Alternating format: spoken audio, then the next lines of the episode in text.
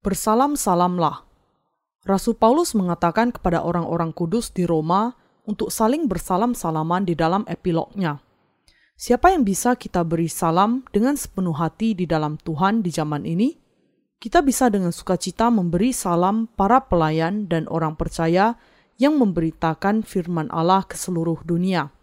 Kita bisa memiliki persekutuan dengan mereka yang diselamatkan dengan membaca buku tentang Injil air dan roh.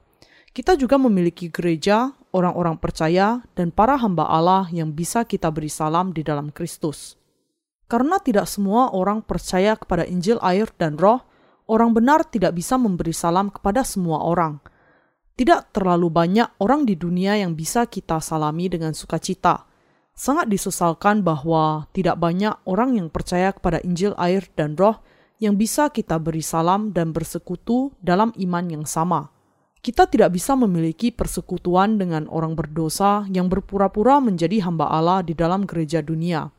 Sama seperti dosa dan roh kudus tidak bisa berdiam bersama, orang berdosa dan orang benar tidak bisa bersalam-salaman. Mereka yang percaya kepada Injil air dan roh bisa mempersembahkan persembahan rohani kepada Allah dan melakukan pekerjaan rohani. Tetapi orang-orang berdosa yang tidak menerima pengampunan dosa di dalam hatinya berusaha untuk diselamatkan dengan menaati hukum Allah. Dan karena itu, mereka tidak bisa memiliki persekutuan rohani dengan orang-orang percaya. Sama seperti manusia dan binatang tidak bisa bercakap-cakap Orang benar tidak bisa memiliki persekutuan dengan orang berdosa.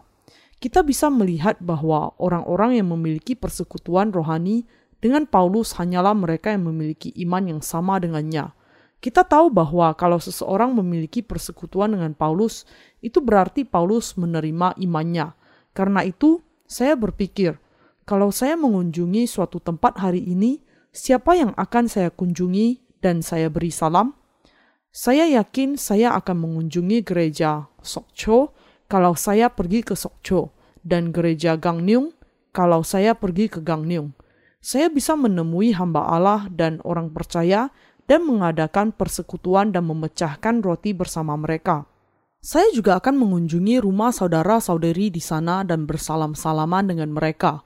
Tetapi orang-orang yang saya salam hanyalah mereka yang percaya kepada Injil air dan roh dan mereka yang memiliki iman yang sama di dalam Roh Kudus. Kita bisa melihat bagaimana diberkatinya mereka yang imannya diterima oleh Paulus. Betapa hebatnya bahwa kita memiliki Injil air dan Roh untuk melihat iman orang lain dan saling bersalam-salaman. Apakah Anda memiliki iman kepada Injil air dan Roh yang membuat Anda bisa bersalam-salaman dengan orang lain? Bisakah Anda dengan setia mengakui tanpa ragu kepada Allah bahwa Anda tidak memiliki dosa? Saya memiliki kesempatan untuk bersalam-salaman dengan sesama orang percaya di Cina ketika saya mengunjungi ke sana. Saya mengunjungi seorang saudara yang tinggal di tepi Sungai Heran. Ketika kami bangun pagi harinya, ia mempersiapkan makan pagi yang luar biasa. Kami duduk mengeliling sebuah meja bundar yang besar yang biasa kita gunakan kalau kita berkumpul bersama sanak keluarga dan kami menikmati persekutuan yang sangat indah dengan orang-orang percaya yang ada di sana. Juga ada seorang penginjil dari kota tetangga yang sangat ingin bertemu kami. Karena itu, kami mengunjungi dan mengadakan persekutuan dengan dia juga. Kami bisa bersalam-salaman dengan siapa saja yang percaya kepada Injil air dan roh. Ke mana saya akan pergi kalau saya mengunjungi Amerika Serikat? Saya akan mengunjungi pendeta Samuel Kim dan istrinya di Flushing, New York.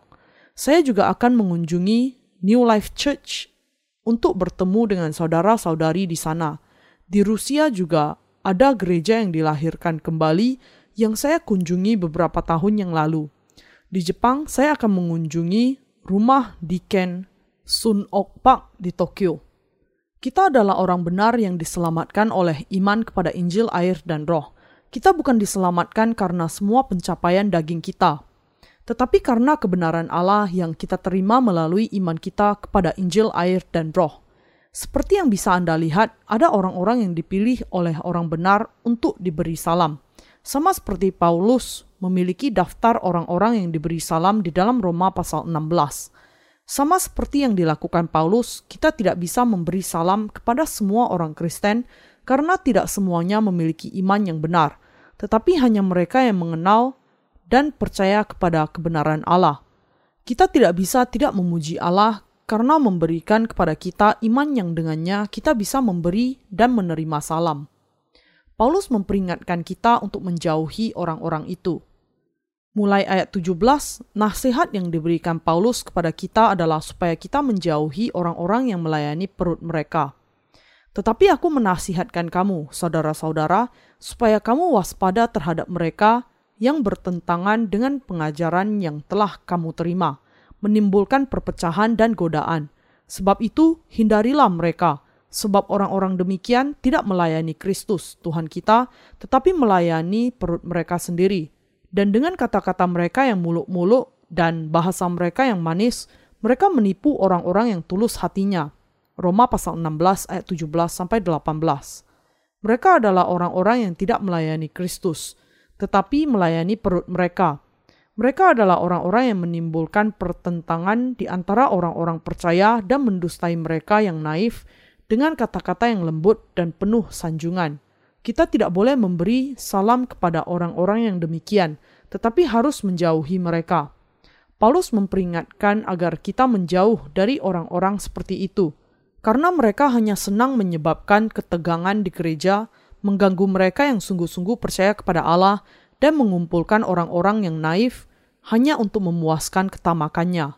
Pemimpin Kristen yang demikian berusaha mengurung orang di bawah dosa dengan mengajar pengikutnya untuk secara penuh taat kepada hukum Taurat. Mereka hanya memenuhi perut mereka dengan nama Yesus dan menipu orang-orang yang tidak bersalah. Tidak ada perlunya memberi salam kepada mereka, karena mereka melayani hanya untuk perut mereka saja. Injil air dan roh harus disebarkan ke segala bangsa. Yang ketiga, Paulus berbicara mengenai perlunya memberitakan Injil ke segala bangsa.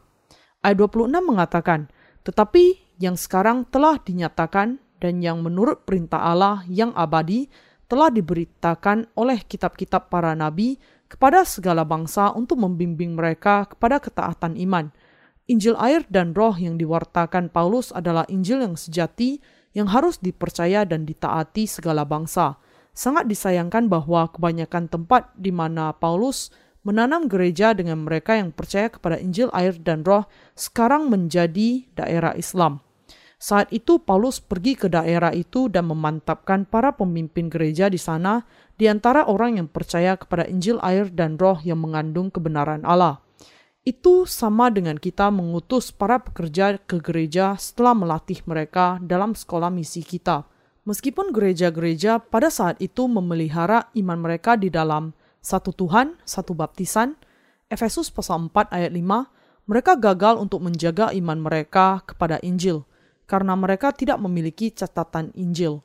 Sekarang ini kami sedang dalam proses menerjemahkan buku-buku kami ke dalam bahasa Turki. Seseorang di Turki tergerak oleh buku edisi bahasa Inggris kami dan menawarkan untuk menerjemahkannya. Kami sekarang mulai memberitakan Injil air dan roh ke tempat di mana Paulus sendiri pernah memberitakan Injil dan menanamkan gereja Allah. Kami memberitakan Injil yang sama dengan yang diberitakan Paulus di daerah yang sama yang dia kunjungi. Injil yang diwartakan Paulus adalah Injil air dan roh yang bisa menyelamatkan segala bangsa hanya dengan percaya dan menaatinya.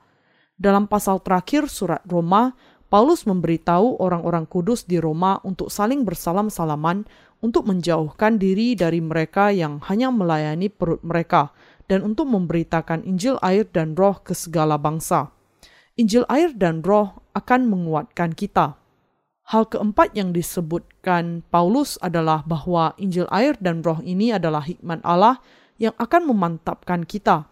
Tetapi yang sekarang telah dinyatakan dan yang menurut perintah Allah yang abadi telah diberitakan oleh kitab-kitab para nabi kepada segala bangsa untuk membimbing mereka kepada ketaatan iman bagi dia satu-satunya Allah yang penuh hikmat oleh Yesus Kristus segala kemuliaan sampai selama-lamanya. Amin. Roma pasal 16 ayat 25 sampai 27. Apa yang bisa memantapkan jemaat di Roma? Injil air dan roh Paulus yang memantapkan orang-orang kudus di Roma. Injil ini juga adalah hikmat Allah. Di dalam Injil, Allah memberikan hikmatnya kepada kita. Injil ini memiliki kuasa untuk menghapus segala dosa, bahkan milik mereka yang penuh kekurangan. Mereka yang percaya kepada Injil, air, dan Roh tidak hanya dijadikan tidak berdosa, tetapi menjadi pewarta Injil ini. Tidak peduli bagaimana lemah dan penuh kekurangannya mereka, hanya hikmat Allah dan Injil, air, dan Roh yang datang darinya yang bisa menjadikan kita makhluk sempurna. Tidak ada kebenaran selain kebenaran Injil ini yang bisa menguatkan jiwa, hati, pikiran, dan tubuh seseorang.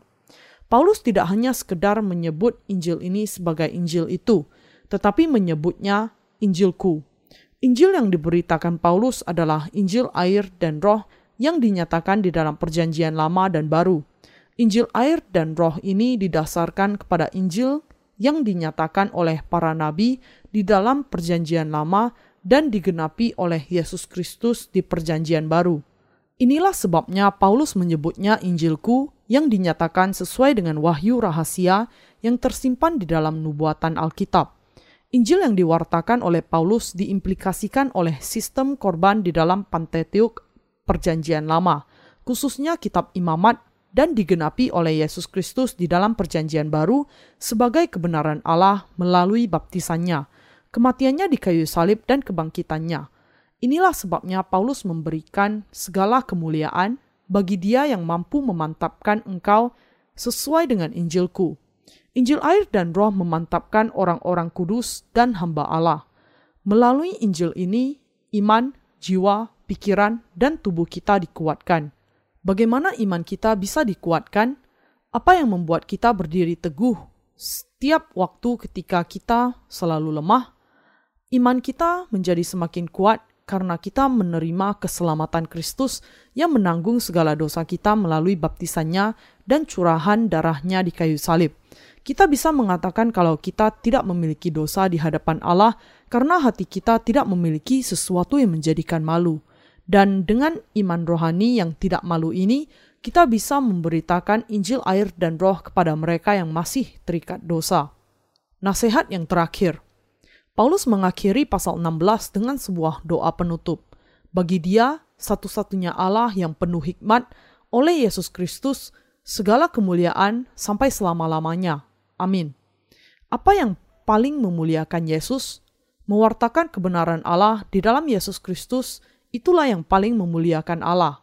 Kita juga dimuliakan ketika kita melayani Injil dengan sepenuh hati kita Isi dari berita Paulus di dalam surat Roma pasal 16 adalah Bersalam-salamlah, jauhi mereka yang melayani perut, kabarkan Injil ke segala bangsa. Inilah nasihat terakhir yang diberikan Paulus kepada jemaat di Roma. Injil air dan roh yang diwartakan Paulus memiliki kuasa untuk menguatkan kita dalam segala jalan kita. Inilah yang kita percayai. Iman kepada Injil air dan roh adalah sama dengan para rasul di dalam Alkitab dan yang dipercayai oleh gereja kita sekarang ini. Bisakah Anda merasakan kesamaannya? Saya takjub setiap kali saya membaca Alkitab dan menyadari bahwa kita memiliki iman yang sama dengan tokoh Alkitab yang hidup 2000 tahun yang lalu. Pernahkah Anda berpikir berapa banyak orang yang kepadanya kami memberitakan Injil? Kami memberitakan Injil kepada tidak kurang dari 2000 orang setiap harinya 2000 ini tidak lama lagi akan meningkat menjadi 10.000 kalau orang kudus yang baru dilahirkan kembali itu memberitakan Injil kepada tetangganya dan 10.000 orang itu akan mendengar pemberitaan Injil itu dan kemudian meningkat menjadi 20.000. Seperti yang Anda lihat, memberitakan Injil ke segala bangsa bukanlah sesuatu yang tidak mungkin. Tentu saja, kuncinya adalah bahwa buku-buku kami mengenai Injil, air, dan Roh bukan hilang atau tersimpan dan maknanya tidak diubah seberapapun banyaknya kali orang membacanya.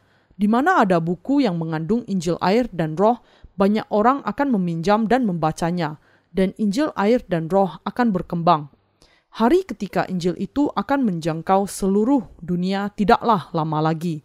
Kebenaran Allah yang Anda miliki dengan iman Anda adalah Injil air dan roh yang bahkan di negara-negara berkembang pun belum diketahui secara luas. Injil sejati yang ingin kita bagikan ke seluruh dunia, yaitu sebuah rahasia yang belum diketahui oleh dunia ini, dan karena itu kami sangat bersemangat untuk menyatakan rahasia keselamatan kepada semua orang yang bergumul dengan dosa. Kebenaran Allah yang dinyatakan di dalam Injil air dan roh begitu jelas mengatakan bahwa siapa saja yang menerima Injil ini akan mengucap syukur dan memuliakan Allah. Beberapa orang berpikir aneh sekali bahwa kami berulang kali berbicara mengenai Injil air dan roh. Tetapi tidak peduli bagaimanapun seringnya kami mengulanginya, itu tetap memunculkan sukacita dan ucapan syukur di dalam jiwa kami. Karena ada begitu banyak orang Kristen yang masih terikat dosa, kami berulang-ulang memberitakan Injil air dan roh ke seluruh dunia. Karena Injil ini adalah Injil yang diberikan oleh para rasul, termasuk Paulus, semua orang harus percaya kepada Injil ini. Kita perlu mendengar dan menuliskan Injil air dan roh di dalam hati kita karena hal itu sangat penting bagi semua orang Kristen. Kami memberitakan Injil kepada lebih dari 2000 orang setiap hari melalui buku-buku kami, baik cetak maupun elektronik dan website. Kami yakin bahwa kalau benih kebenaran jatuh di tanah yang subur akan menghasilkan buah 30, 60, atau 100 kali lipat daripada yang kami tabur. Satu orang bisa memberitakan Injil kepada selunsin orang, dan masing-masing kemudian bisa mewartakannya kepada selunsin lagi, dan memberitakan Injil kepada jumlah yang lebih banyak lagi. Ketika kami mendengar bahwa Injil ini disebarkan kepada 2000 orang setiap hari, hati kami dipenuhi dengan kebenaran Allah. Saya bersyukur kepada Allah karena membuka jalan bagi kami untuk memberitakan Injil ini ke seluruh dunia. Saya berdoa agar Allah akan semakin menguatkan iman hamba-hambanya. Injil air dan roh yang sekarang disebarkan ke seluruh penjuru dunia adalah sebuah gelombang kebenaran baru untuk keselamatan. Injil ini adalah satu-satunya jalan untuk menerima Roh Kudus dan masuk ke dalam kerajaan Allah. Tidak peduli bagaimana kerasnya Anda mencari dalam agama sekuler, Anda tidak akan menemukan Injil air dan Roh manusia di seluruh dunia akan bersyukur kepada Allah karena mereka sekarang bisa percaya kepada kebenarannya melalui Injil, air, dan Roh. Semua orang yang mendengar buku kami akan mengatakan, "Ah, beginilah cara Yesus menyelamatkan saya dari dosa-dosa saya." Karena mereka belum pernah mendengar Injil ini sebelumnya. Mereka yang ingin dibebaskan dari belenggu dosa dan yang selalu menghendaki untuk menerima Roh Kudus akan menerima pengampunan dosa di dalam hati dan damai di dalam pikiran ketika mereka akhirnya mengenal dan menerima Injil air dan Roh. Sejak saat itu, Injil air dan Roh akan tersebar ke segala bangsa di dunia. Hati saya dipenuhi dengan sukacita bahwa Injil air dan Roh disebarkan ke seluruh dunia. Meskipun saya melayani Injil, saya tahu bahwa masih penuh dengan kelemahan dan kekurangan tetapi karena saya sepenuhnya percaya kepada Injil air dan roh dan mengenal kebenaran Allah, saya selalu menerima kekuatan baru dari Tuhan sehingga saya bisa melanjutkan melayani Injilnya. Injil sekarang sudah memasuki lebih banyak negara. Lebih banyak orang membaca buku-buku kami dan kagum atas Injil yang demikian sempurna. Mereka yang percaya kepada kebenaran Allah di seluruh dunia adalah mereka yang sudah diselamatkan dengan percaya kepada Injil, air, dan Roh. Alasan mengapa kita bisa berdiri teguh dan mantap meskipun ada kelemahan adalah karena kita percaya kepada Tuhan, kebenaran Allah. Kita adalah pekerja Allah. Kita tidak hanya mencari kepuasan perut jasmania kita, tetapi memberitakan iman yang sejati itu ke seluruh dunia. Saya memuji dan berharap agar banyak orang benar yang percaya akan bangkit atas tantangan kita dan memberitakan Injil ke seluruh dunia. Seperti Paulus, kita bisa memberitakan Injil, air, dan Roh kapan saja sampai Tuhan datang. Mari kita bekerja keras bersama bagi amanat agung ini. Ketika kita memberitakan Injil ke ujung dunia, Tuhan akan datang sesuai dengan janjinya dan membawa kita pulang. Kita harus dengan hati-hati mendengar apa yang dinasehatkan Paulus, bersalam-salaman, dan saling menguatkan. Meskipun kita kurang dalam perbuatan kita, kita sangat dikuatkan secara rohani melalui iman kita kepada kebenaran Allah. Kita bisa mengenal betapa benar dan pastinya iman kita kepada Injil, air, dan Roh. Kita adalah orang-orang yang sungguh-sungguh percaya kepada Tuhan kita, yang adalah kebenaran Allah yang sempurna. Ketika kita memandang ke dunia ini dengan iman kita kepada kebenaran Allah, kita menemukan bahwa ada begitu banyak yang harus kita lakukan kita semua bisa menjalani kehidupan kita memberitakan Injil ke seluruh dunia, memuji Allah dengan iman kita kepada Kristus yang adalah kebenaran Allah. Haleluya! Saya senantiasa memuji Tuhan kita, kebenaran Allah.